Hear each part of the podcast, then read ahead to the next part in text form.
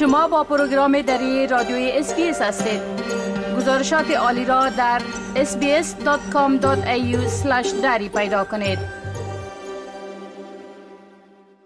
حال با جاوید روستاپور خبرنگار برنامه دری رادیوی اس بی اس برای جنوب آسیا به تماس هستیم که اونا درباره تازه ترین رویدادها در افغانستان صحبت می کنند. آقای روستاپور سلام عرض می کنم خب گفتم این شک که مردم واکنش بسیار شدید. در مقابل من زنا از امتحان کانکور نشان دادن. به شمول بعضی از فرقه های طالبا بله؟ با سلام و وقت شما بخیر. آقای شکیب بله همان گونه که شما اشاره کردین. اعلامیه جدیدی وزارت تحصیلات عالی طالبان در پیوند به اینکه فارغین صنف دوازدهم اجازه ندارند که شامل امتحان کانکور در پانتونا و مؤسسات تحصیلات عالی خصوصی در افغانستان شوند. با واکنش های بسیار تندی در داخل و بیرون از افغانستان امراه شد. در این میان شماری از فارغین صنف دوازده دخترهایی که از صنف دوازده فارغ شدن اینا واکنش نشان دادن و شماری از این زنان در یک محلی زنان دختران در یک محلی سربسته سرپوشیده تجمع کرده و این دستور تازه طالبان گروگانگیری خود عنوان کردن. این معترضین گفتن که ما از طالبان چیز نمی‌خواهیم و این بار دست خود به دامن جامعه جهانی دراز کردن و گفتن که ما از جامعه جهانی می‌خواهیم که حکومت طالبان را به رسمیت نشناسد و از حقوق ما دفاع کند. اونا گفتند که در 15 ماه گذشته سکوت جامعه جهانی در قبال عملکردهای ضد انسانی و ضد بشری طالبا شرماور بوده. این در حال است که فعالان مدنی و به همین ترتیب سفارت های کشورهایی که در افغانستان هستند و همچنان کشورهای اسلامی و همسایه افغانستان واکنش بسیار تون نشان دادن و منابع میگن که این مسئله سبب شده که یک دستگی در میان رهبران طالبان ایجاد شود و حتی بر بنیاد برخی اطلاعات گفتن که طالبان شماری از سردسته ها و مقامات طالبان در صددی برکناری ملاحظت الله هستند و بجای از او جانشینی از او ملاغنی برادر که شخصی معتدل گفته میشه در میان طالبان احتمال زده میشه که جانشینی از تعیین شود و این مسئله سبب شده که طالبا حتی چند نشستی را هم برگزار کنند و در این نشست ها گفته می‌شد که برخی از مقامای حکومت پاکستان با طالبان هم نظر هستند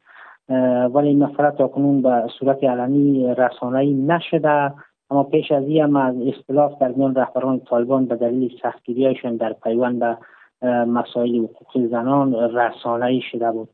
در کل طالبا در پیوند با او مسئله زنان اما تاکیدشان مثل گذشته است. لبولای مجاهد باز روز گذشته بر رسانه ها گفت که باز شدن دروازه های مکاتب و رفتن دختر ها به پوانتون ها تعلق به رهبری طالبان می‌گیره و ما منتظری از که رهبری طالبان در این مورد چی دستور صادر می‌کنه بنابراین تاکید دیگری ای بود که ما حقوق زنان را مطابق اصول شریعت رعایت می‌کنیم و حقوق شهروندی تمام مردم افغانستان در چارچوب اسلامی که به گفته آقای مجاهد اونا تعریف دارن از او رعایت شده است.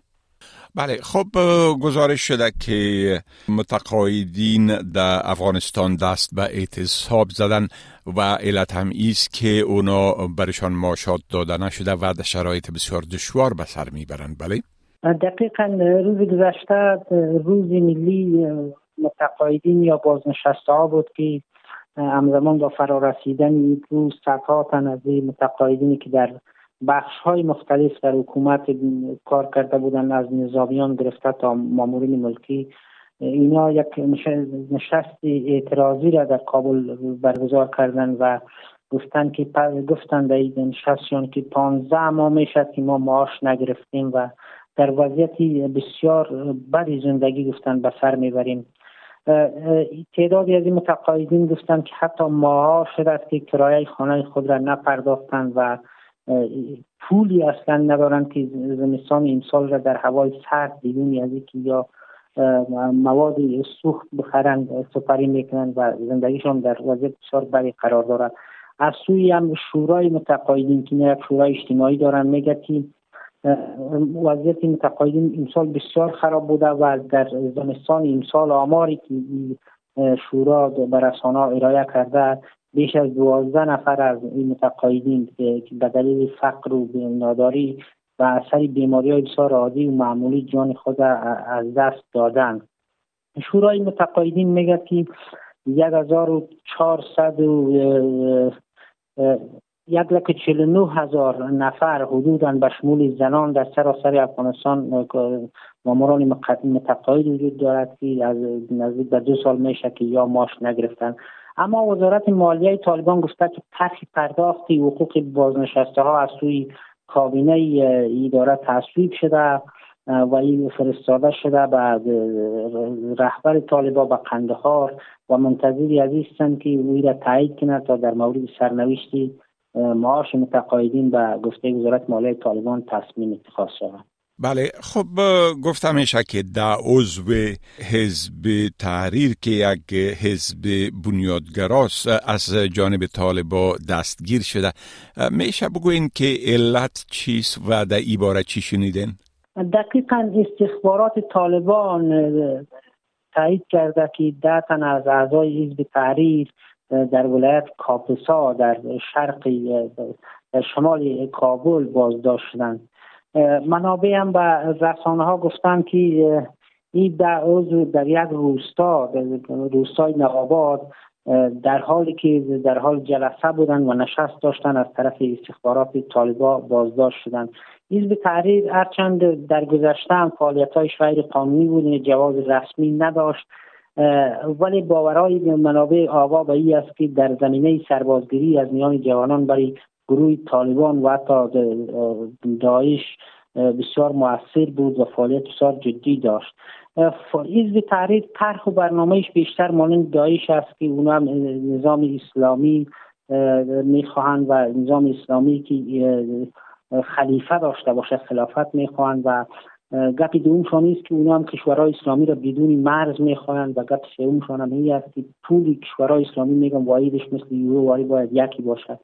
اما ای که منابع میگن طالبا با حزب تحریر اختلاف پیدا کردن باورا بر این است که طالبا ترسیدن به دلیل از اینکه تحریر دارد زمینه سربازگیری را برای گروه داعش مساعد می سازد و صف داعش در مقابل طالبا تقویت می‌کنه و به دلیل هم طالبا اقدام به بازداشت اعضای تحریر کردن و جدا فعالیت حزب ممنوع کردن. در حالی که در گذشته اینا همکار حزب تحریر بودن در مناطق طالبا حاکم بودن اعضای حزب تحریر فعالیت آزادانه داشتن و بیشتر در تبلیغاتشان در نشستهایشان از حکومت طالبا هم حمایت می‌کردن. بله خب بسیار تشکر آقای روستاپور از این معلوماتتان و فعلا شما را به خدا می سپارم روزتان خوش. وقتی شما هم خوش خدا حافظین ناصرتان. بپسندید شریک سازید و نظر دهید. اسپیس دری را در فیسبوک تعقیب کنید.